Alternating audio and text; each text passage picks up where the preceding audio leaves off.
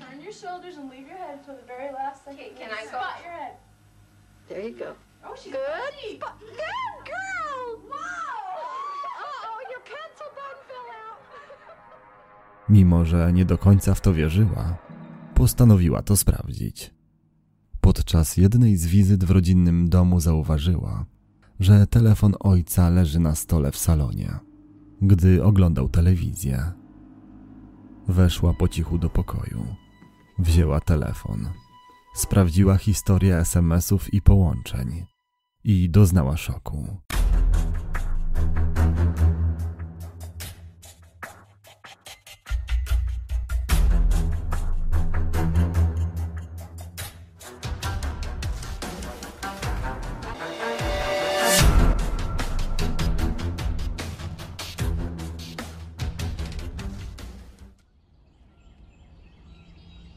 Martin i Michelle w 2007 roku byli szczęśliwym małżeństwem z blisko 30-letnim stażem.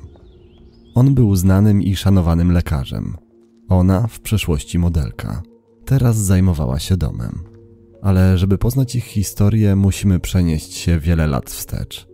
Do czasu, gdy obydwoje dopiero wchodzili w swoje dorosłe życie. Urodzona 15 stycznia 1957 roku Michelle była wówczas studentką i aktywną cheerleaderką, która wolny czas spędzała na grze na skrzypcach i spotkaniach towarzyskich. Jednocześnie wykorzystując fakt, że była kobietą wyjątkowo urodziwą, pozowała do zdjęć jako modelka. Raz wygrała nawet wybory Miss Concord Beauty Queen. Martin był z zupełnie innej bajki. Nie w głowie mu była nauka i muzyka. Kochał wojsko i to z nim chciał związać swoją przyszłość. Wstąpił do niego już jako nastolatek, w wieku 17 lat. Jednak zaledwie po dwóch latach służby, z powodu jakichś nieokreślonych bliżej problemów ze zdrowiem, został odesłany na przymusowy urlop. I choć jego marzenie o wojsku prysnęło wtedy jak bańka mydlana, to w głowie pojawił się nowy plan. Renta, którą pobierał, była dość wysoka. Wysoka na tyle, by pokryć dostatnie życie. Chciał więc ją otrzymywać jak najdłużej. Jak okazało się później, nie zawsze legalnymi sposobami. Parę łączyła wiara. Zarówno Michelle, jak i Martin byli bowiem bardzo aktywnymi działaczami kościoła w dniach ostatnich, zwanego kościołem mormońskim. Chętnie przychodzili na wszystkie zgromadzenia i to właśnie na jednym z nich wpadli na siebie po raz pierwszy. Niemal od razu między nimi zaiskrzyło. Martin już przy pierwszym spotkaniu zrobił ogromne wrażenie na młodej dziewczynie. Był wyjątkowo czarującym i elokwentnym mężczyzną, do tego religijnym. Ona również wpadła mu w oko. Była niesamowicie piękna i przede wszystkim wrażliwa. Uwielbiał słuchać, jak z pasją opowiada o swoim zamiłowaniu do muzyki. Z czasem przekonał się też, że jeszcze bardziej podoba mu się to, jak gra. Robiła to z pasją i niesamowitym wyczuciem. Lubił patrzeć, jak trzymając delikatnie w dłoni smyczek, muskała nim po strunach, wydając przy tym niesamowite dla ucha dźwięki. Wspominał. I choć wydawało im się, że skoro zakochali się w sobie bez pamięci, to nie natrafią już na żadne problemy, to bardzo się mylili. Rodzice dziewczyny nie byli zachwyceni wyborem córki, dlatego ta, by sprzeciwić się ich zakazom, postanowiła z ukochanym uciec. 21 lutego 1978 roku wzięli romantyczny ślub i zamieszkali w miasteczku Pleasant Grove w stanie Utah.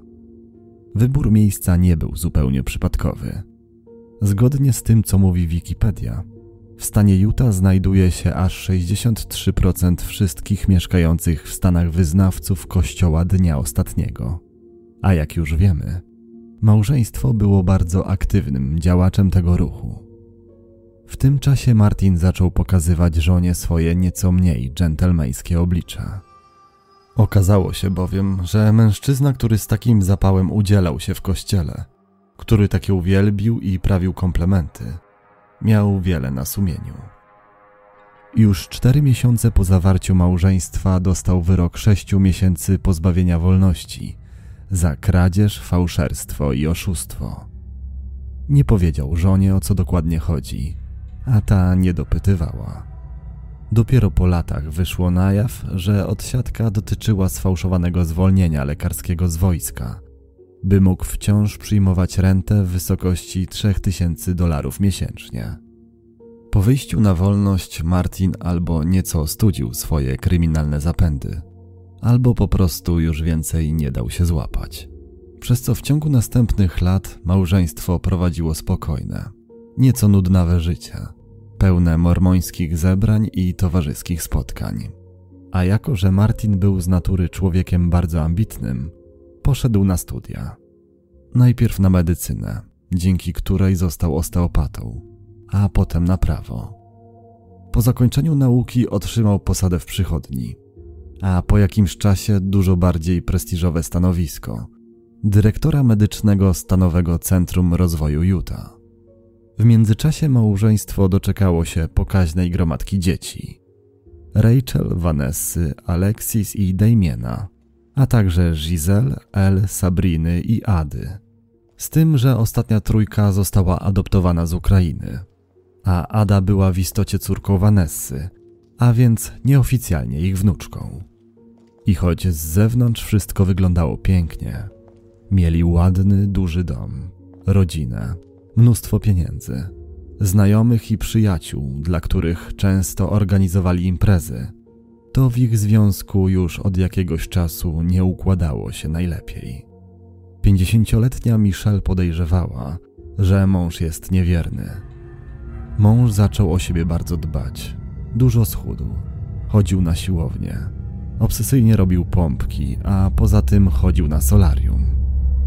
Jego zachowanie było dla kobiety wyraźną czerwoną lampką. I choć nie miała na zdradę żadnych dowodów, postanowiła je zdobyć. Z pomocą przyszła jej wtedy jedna z córek imieniem Alexis, z którą łączyła ją bardzo silna więź. Kobiety były na bieżąco ze wszystkimi swoimi problemami i zgryzotami. Opowiadały sobie o wszystkim, co się w ich życiu działo. Prosiły o rady i kiedy zaszła potrzeba, wzajemnie się pocieszały. Wymieniały się przepisami. Wspólnie oglądały filmy, zajadając się popcornem i śmiały się ze swoich żartów.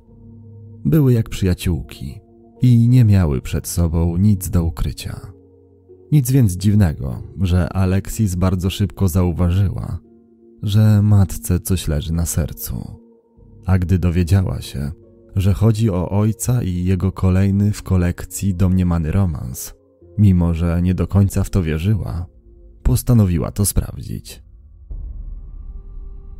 Podczas jednej z wizyt w rodzinnym domu zauważyła, że telefon ojca leży na stole w salonie, podczas gdy on zasnął na kanapie obok, gdy oglądał telewizję. Weszła po cichu do pokoju. Wzięła telefon. Sprawdziła historię SMS-ów i połączeń i doznała szoku. Zawartość telefonu przeszła jej najśmielsze oczekiwania. Dziesiątki pikantnych wiadomości i setki telefonów do niejakiej Gypsy sprawiły, że zrobiło jej się niedobrze. Okazało się, że przeczucia matki wcale jej nie myliły.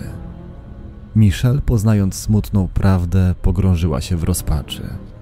Można zaryzykować stwierdzeniem, że odkrycie to podziałało na nią wręcz destrukcyjnie.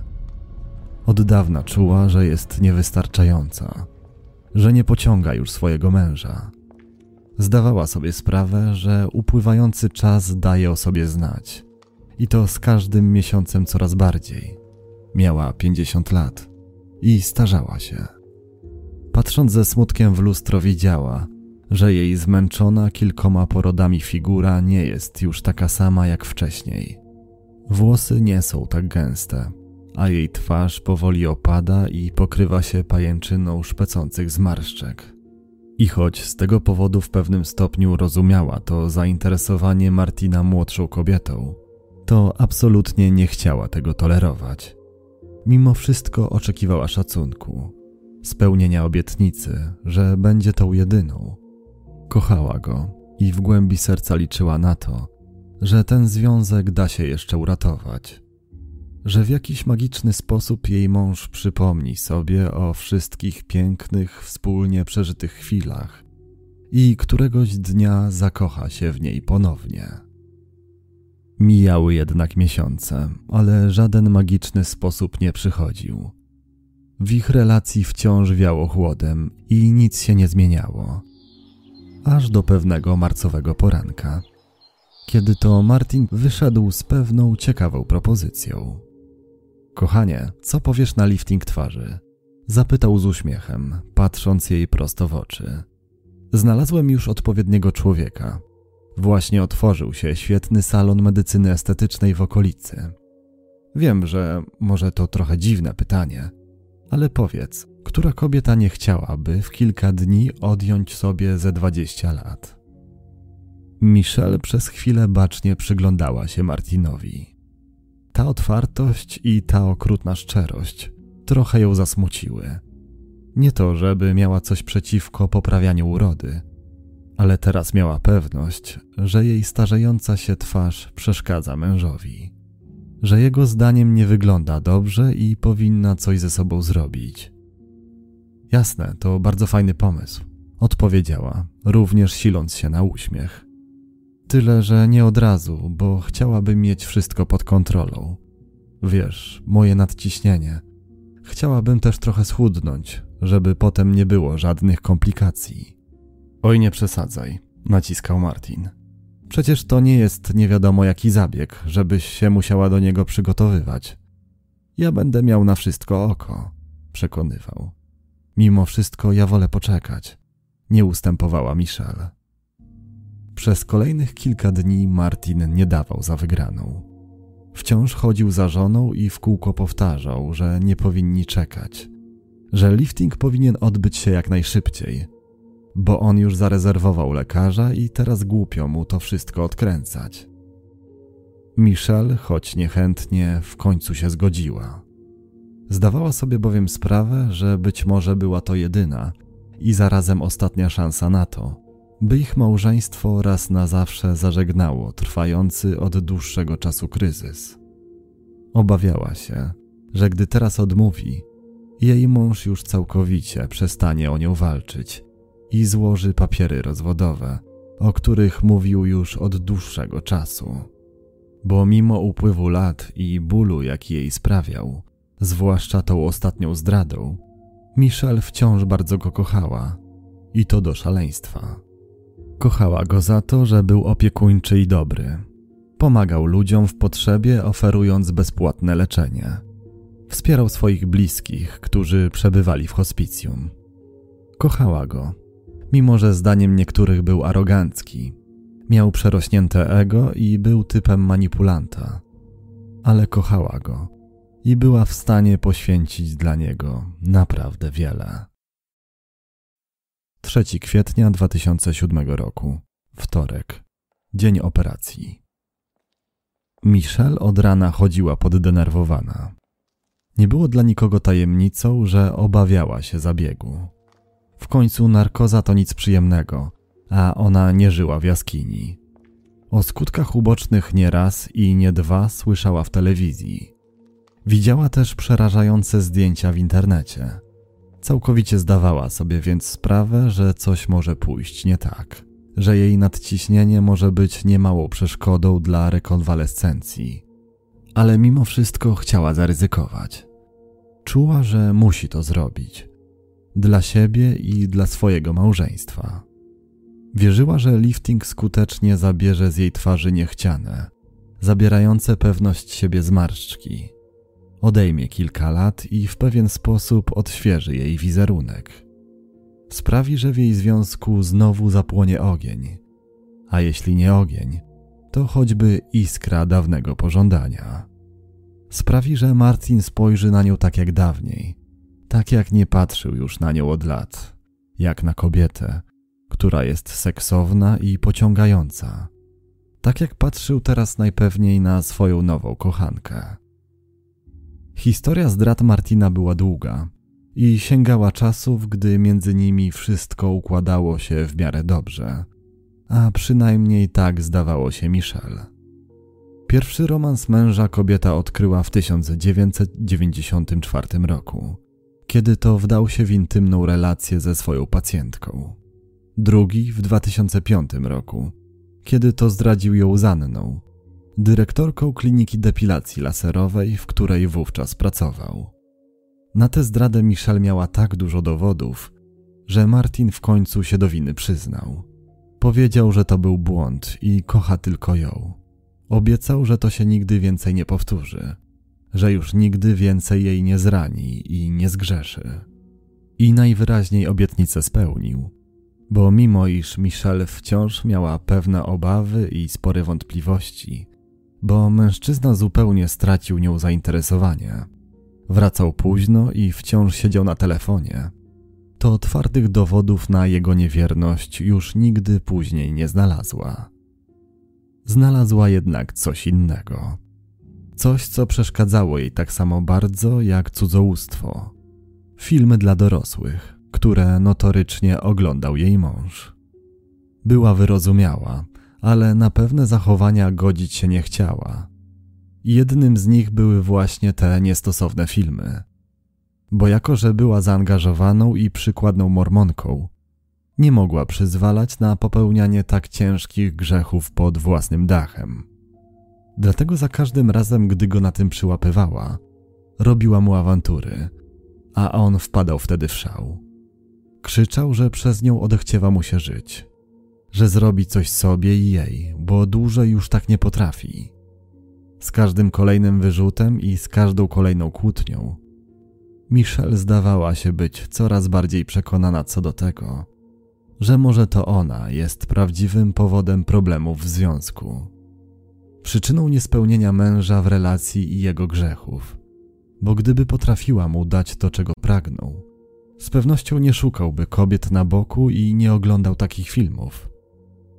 Z tego właśnie względu Michelle ostatecznie zgodziła się na zabieg. Uznała, że jest dla nich szansą, sprytnym sposobem na uratowanie małżeństwa, małym sygnałem od ukochanego, który właśnie w taki sposób daje znak, że gdy znów zacznie jej pożądać, porzuci kochankę, a między nimi znowu będzie jak dawniej. Kobieta w podekscytowaniu i szczęściu odliczała więc dni do zabiegu, na co dowodem jest fakt, że datę tego wydarzenia bardzo starannie zapisała w swoim pamiętniku. Do szpitala udała się z Martinem. Weszła do gabinetu i cierpliwie czekała na lekarza. Po chwili leżała już na stole operacyjnym, a wkrótce później zasnęła. Po kilku godzinach obudził ją przeszywający ból. Zdezorientowana zaczęła krzyczeć, ale zaraz z pomocą ruszył Martin. Wytłumaczył, że to tylko chwilowe, normalne po operacji i że zaraz zawoła pielęgniarkę. Ta podała jej leki przeciwbólowe i nakazała spokój. Następnego dnia, 4 kwietnia, mimo że kobieta wciąż odczuwała jeszcze nieznośny ból, wypisano ją do domu.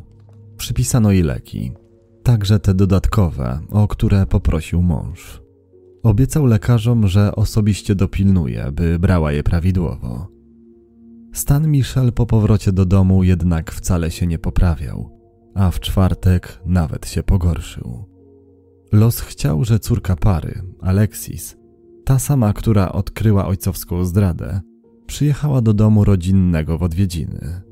Dowiadując się od taty, że stan matki nie jest najlepszy, postanowiła natychmiast zajrzeć do jej pokoju i zapytać o samopoczucie. A jako, że poszła w ślady ojca i studiowała medycynę na pierwszym roku, Chciała też rzucić na nią swoim fachowym okiem. Zapukała do drzwi jej sypialni, ale matka nie zaprosiła jej do środka. Było to trochę dziwne, bo ojciec nic nie wspominał, by spała. Obawiając się tego, że stan matki z jakiegoś powodu się pogorszył, zaczęła się dobijać, a gdy i to nie pomogło, postanowiła wejść bez zaproszenia. Gdy przestąpiła próg pomieszczenia, Przeżyła szok. Matka leżała na łóżku, bez ruchu.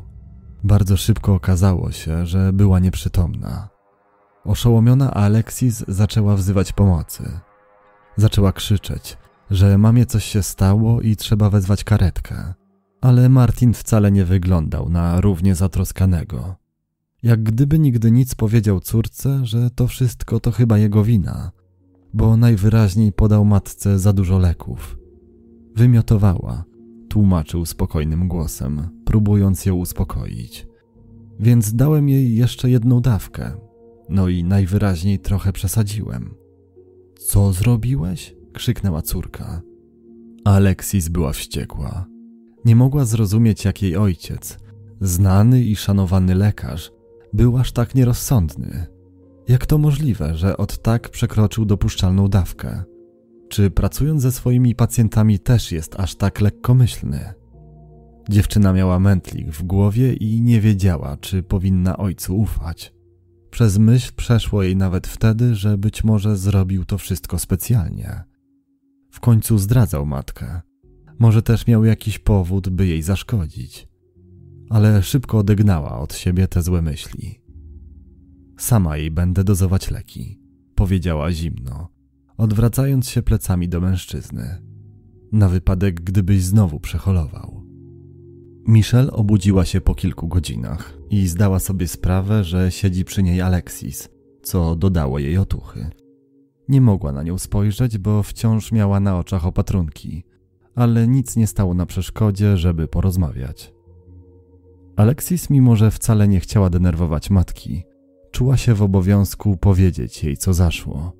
Pokrótce opowiedziała jej więc o reakcji ojca, o tym, jaki jest jej zdaniem roztargniony i obiecała, że dopilnuje, by już więcej do takiej sytuacji nie doszło. Tymczasem po głowie Michelle chodziło coś zupełnie innego. Ni stąd, ni zowąd poprosiła córkę, by podawała jej tabletki pojedynczo.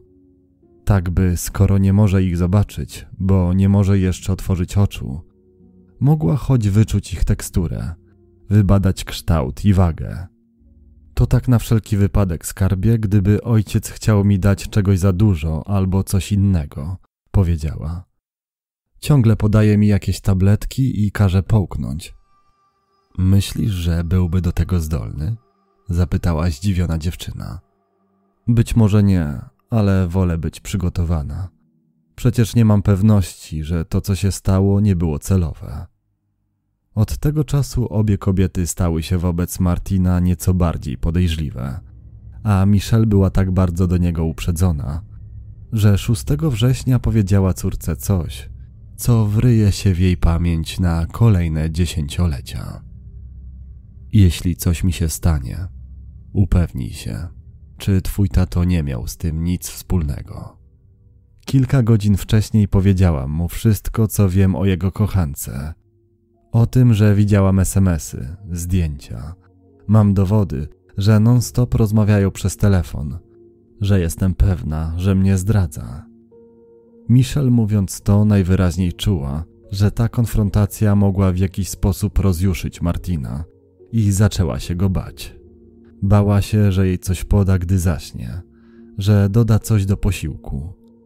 Oczywiście Michelle nie postradała zmysłów i miała pełną świadomość tego, że spisek, który sobie ułożyła w głowie, mógł być tylko wytworem jej nafaszerowanej lekami wyobraźni, być może jakiejś paranoi, że mogło jej się tylko zdawać, ale mimo wszystko nie chciała zostawać z nim w domu sama. Dlatego ucieszyła się, gdy Alexis postanowiła nie wyjeżdżać jeszcze przez kilka dni. Dziewczyna wróciła do szkoły 10 września, dopiero wtedy, gdy stan matki poprawił się na tyle, że sama mogła o siebie zadbać. Wyjechała, bo była o mamę spokojna. Wszystko wydawało się być pod kontrolą. Wszystko zdawało się układać. 11 kwietnia 2007 roku. Rano, dokładnie o 8.44, Alexis odebrała telefon od matki. Ku jej uldze i wielkiej radości, ta wydawała się być w dobrym nastroju. Powiedziała, że czuje się dobrze, że całkowity powrót do zdrowia to tylko kwestia dni i jest dobrej myśli co do poprawienia stosunków z ojcem. Uspokojona dziewczyna porozmawiała więc z matką jeszcze przez kilka minut i wróciła do swoich obowiązków. Jednak nie na długo. bo niecałe 25 minut później, o 9.10, otrzymała szokujący telefon. Jej tato z przerażeniem w głosie zasugerował, by zadzwoniła do matki. Twierdził, że jej stan chyba się pogorszył, bo nie wstaje z łóżka, a on musi wyjść do pracy. Dziewczyna myśląc, że może matka ją okłamała, by oszczędzić jej zmartwień, natychmiast spełniła wolę ojca. Jednak jej telefon pozostał bez odpowiedzi. Mężczyzna w tym czasie również bezskutecznie próbował się dodzwonić do żony. Postanowił wyjść więc z pracy wcześniej, a przy okazji odebrać najmłodszą córkę, sześcioletnią Adę ze szkoły o 11.35. Mniej więcej 10 minut później, o 11.45, oboje dotarli do mieszkania. Mała Ada od razu pobiegła do pokoju matki, tak jak nakazał jej ojciec. A nie znajdując jej tam, zaczęła nawoływać i szukać jej w innych miejscach w domu. W końcu ją znalazła. Kobieta leżała w pełnej wody wannie. Nie ruszała się i nie reagowała na próby obudzenia. Martin w przypływie wielkich emocji wykręcił numer alarmowy. Zaczął krzyczeć do słuchawki tak, że dyspozytorka niewiele mogła zrozumieć. Nie wiedziała nawet, gdzie dokładnie wysłać pomoc. Prosiła go, by mimo wszystko pozostał z nią na linii, ale ten nagle się rozłączył. Zadzwoniła do niego jeszcze dwa razy, ale za każdym razem wrzeszczał, że jest lekarzem i robi sztuczne oddychanie, po czym znowu odkładał słuchawkę.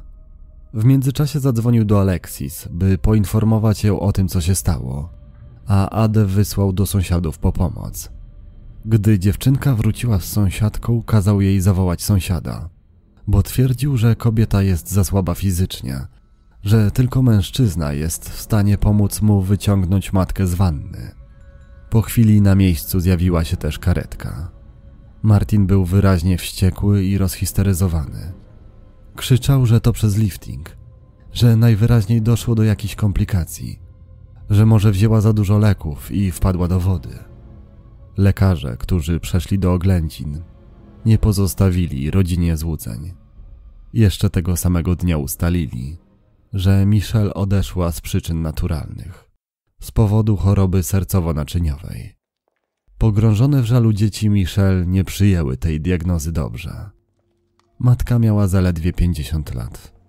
Nie miała dotychczas żadnych większych problemów ze zdrowiem, poza nadciśnieniem, na które przyjmowała leki i które miała pod kontrolą.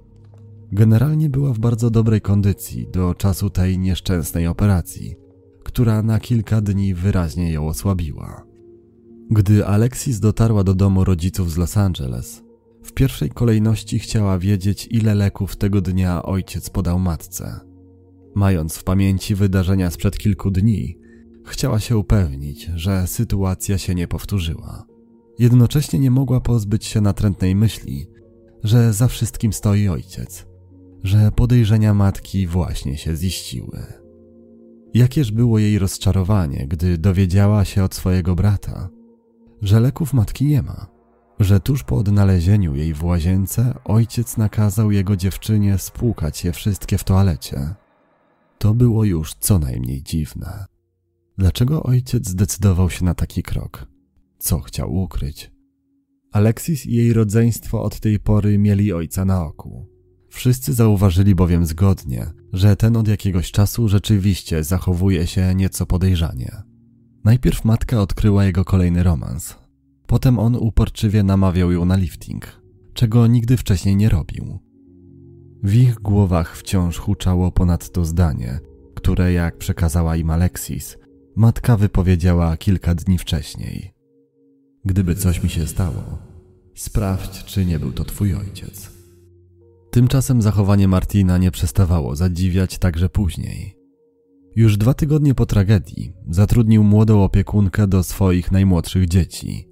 I to niby samo w sobie nie byłoby niczym dziwnym, gdyby nie fakt, że nianią był nie kto inny jak Gypsy, o 20 lat młodsza kochanka, przez którą Martin kłócił się z żoną w ostatnich dniach jej życia. Wtedy wokół pary zaczęło robić się naprawdę gorąco. Najstarsze córki Martina, Alexis i Rachel, strasznie się wściekły. A wiedząc już na 100%, że to ona jest tą kochanką, o którą była zazdrosna matka, bo kobieta ani nie zajmowała się dziećmi, nie gotowała i nie sprzątała. Wszystko to robił za nią ojciec. Jak najszybciej kazałem mu się jej pozbyć. Martin jednak zamiast córek posłuchać, zignorował je. I to im kazał się wynieść z domu. Romans ojca i Gypsy był już na tym etapie dla wszystkich oczywisty i jak okazało się niebawem, nie należał do najświeższych. Córki dobrze wytypowały rywalkę matki, bo para spotykała się już od blisko dwóch lat. Poznała się przez internet w listopadzie 2005 roku i niemal z miejsca się w sobie zakochała. Martin zasypywał dziewczynę prezentami. Płacił za nią czynsz, dawał kieszonkowe. A ona w zamian nie miała nic przeciwko temu, że jest żonaty i ma dzieci. Ich romans trwał więc w najlepsze, na długo przed tragedią. A Gypsy była na tyle bezczelna, że nie tylko wprowadziła się do domu mieszkania Michelle, nie tylko pojawiła się na jej pogrzebie, ale już w jego przeddzień, jak gdyby nigdy nic zasypywała telefon Martina swoimi odważnymi zdjęciami. Po trzech miesiącach zabrała go do Wyoming, by poznał jej rodziców, a tam przyjęła jego oświadczyny. Mając to wszystko na względzie, córki Michelle jeszcze bardziej zaczęły podejrzewać ojca i jego kochankę o to, że maczali we wszystkim palce. W końcu mieli motyw. Chcieli jak najszybciej razem zamieszkać, a matka stała im na drodze do szczęścia. Dziewczyny nie mogły też zignorować faktu, że ojciec w ogóle nie wykazywał najmniejszych oznak smutku po stracie żony, a na pogrzebie nie uronił nawet jednej łzy. W jego trakcie mówił tylko o sobie, że teraz znowu jest samotny, a jego życie jest niesprawiedliwe. Wątpliwości budziła jeszcze jedna rzecz. Córki nie mogły zrozumieć, jak taki wysportowany mężczyzna jak ojciec, który kilka razy w tygodniu biega na siłownię i zdrowo się odżywia, nie był w stanie sam wyciągnąć matki z wanny. Ich zdaniem specjalnie opóźnił udzielenie jej pomocy. We wrześniu 2007 roku siostra Michelle, Linda, którą siostrzenice skutecznie przekonały do swoich racji, złożyła wniosek do biura prokuratora okręgowego w Utah, by jeszcze raz przyjrzał się okolicznościom zdarzenia. A córki zaczęły jednocześnie naciskać na to, by matce przeprowadzono dokładne badania toksykologiczne. By nagłośnić sprawę, udały się do mediów. Udzielały wywiadów gazetom i radiom, pojawiały się w telewizji. Posunięcie to było strzałem w dziesiątkę, bo rzeczywiście do sprawy wrócono, a lekarz, który skrzętnie przeanalizował wyniki sekcji, uznał, że choć substancje w organizmie Michelle nie były na poziomie toksycznym, to wszystkie razem mogły doprowadzić do arytmii serca. Powiedział też coś bardzo ważnego, że Michelle nie mogła ich sobie zaaplikować sama, a było to sprzeczne z tym, co do tej pory sądzono. Tymczasem w dzielnicy, w której mieszkał Martin z dziećmi, aż huczało od plotek. I to nie tylko dlatego, że ten tak szybko sprowadził sobie do domu nową kobietę. Sąsiedzi byli zaniepokojeni faktem, że już od jakiegoś czasu nie widzieli szesnastoletniej Giselle, jednej z córek mężczyzny, którą ten wraz z żoną adoptował z Ukrainy. Żaden z nich nie zapytał o to nigdy wprost, bo przecież mogła po prostu wyjechać, na przykład do krewnych czy szkoły z internatem. Ale sytuacja zrobiła się naprawdę bardzo dziwna, gdy pewnego dnia jeden z mieszkańców okolicy usłyszał, jak kobieta się komuś przedstawia. Jestem Giselle, powiedziała. Sama zbieżność imion może i mogła być przypadkowa, ale w zestawieniu z tym, że dziewczyny w okolicy nie było już od roku, było to dość zastanawiające i sąsiedzi zaczęli się martwić. Martwić zaczęły się także jej siostry i ciotka, która postanowiła poszukać jej na własną rękę. Linda wysłała swoją córkę Jill na Ukrainę, a ta szybko odkryła, że Giselle owszem wciąż przebywa w kraju, ale nie przebywa tam dobrowolnie. Dziewczyna powiedziała kuzynce, że ojciec namówił ją na dwumiesięczne wakacje, by spotkała się z biologiczną siostrą. Ale gdy te dwa miesiące minęły, najwyraźniej wcale nie chciał jej w domu z powrotem. Zabrał jej amerykański paszport i odmówił kupienia biletu powrotnego. Mieszkała więc u krewnych, w fatalnych warunkach. Giselle nie wiedziała, że w tym czasie inna kobieta posługuje się jej numerem ubezpieczenia. Posiada konto w banku na jej dane. Mało tego, posiada już akt urodzenia na jej nazwisko. W związku z tym szokującym odkryciem sprowadzono nastolatkę do kraju, a w styczniu 2009 roku wytoczono Martinowi proces o kradzież tożsamości. Mężczyzna tłumaczył, że bardzo żałuje tego, co zrobił, ale zdecydował się na taki szalony krok z miłości. Chciał chronić swoją kochankę, a przy okazji także i siebie przed urzędem skarbowym, w którym miała długi na ponad 50 tysięcy dolarów. Martin został za to skazany na 4 lata więzienia. Gdy usłyszał wyrok, rzucił w stronę Aleksis krótkie zdanie. Mam nadzieję, że jesteś zadowolona z tego, co zrobiłaś. W międzyczasie także jego kochanka stanęła przed sądem i w 2011 roku otrzymała wyrok dwa lata pozbawienia wolności w zawieszeniu. I tak po czterech długich latach za kratkami, w lipcu 2012 roku, Martin w końcu znów mógł cieszyć się wolnością. Poczuć ją w powietrzu, którym oddychał. Znów mógł swobodnie poruszać się po kraju, odwiedzać znajomych i krewnych, zacząć rozglądać się za pracą. Ale nie było mu dane robić tego zbyt długo, bo w czasie, gdy on nieświadomy tego, co dzieje się na zewnątrz, czekał na zakończenie kary, zespół adwokatów zatrudnionych przez siostrę i dzieci Michelle bardzo ciężko pracował. Przez cztery lata skrupulatnie zbierał wszelkiej maści dowody i świadków, którzy mogliby pomóc im udowodnić, że przyczyna tragedii, jaka spotkała przed kilkoma laty pięćdziesięcioletnią matkę ośmiorga dzieci, była inna niż zakładano. Że przyczyną nie była żadna choroba serca, a jej mąż.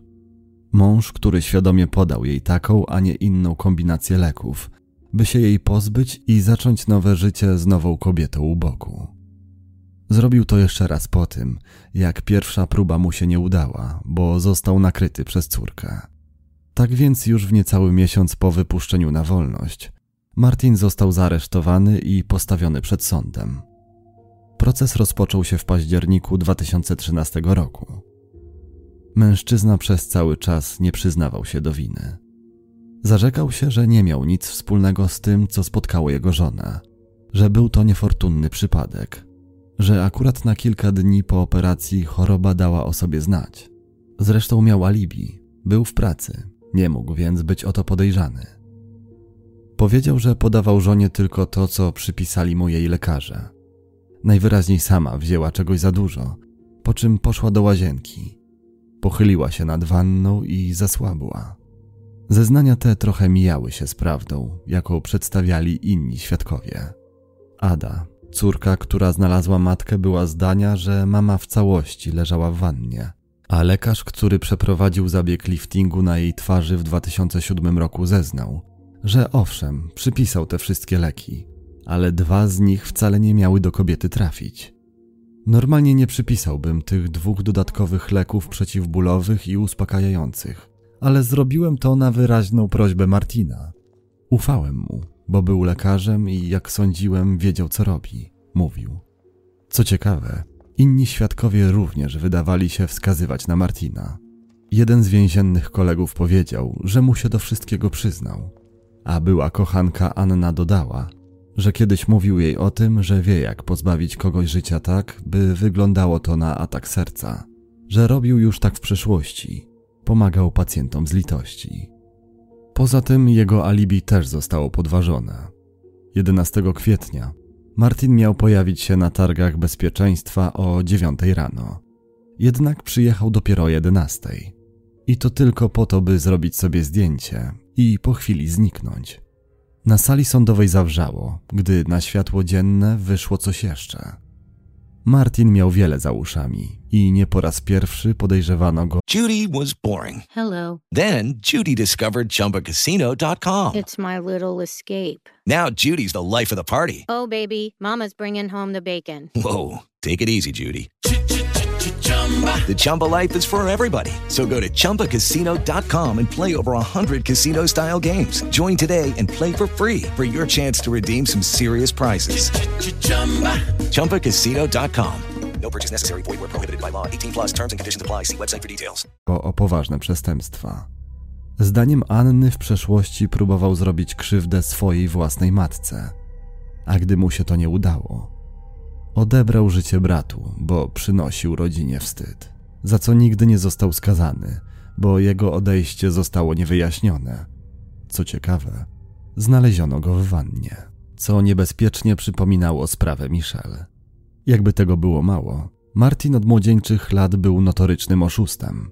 Sfałszował zaświadczenia lekarskie nie tylko o swojej chorobie psychicznej, by otrzymywać rentę inwalidzką z administracji weteranów, w ramach której zgromadził bagatela 100 tysięcy dolarów, ale przez wiele lat wystawiał też czeki bez pokrycia, by prowadzić luksusowe i wystawne życie, za co został skazany w 1977 roku na 3 lata w zawieszeniu.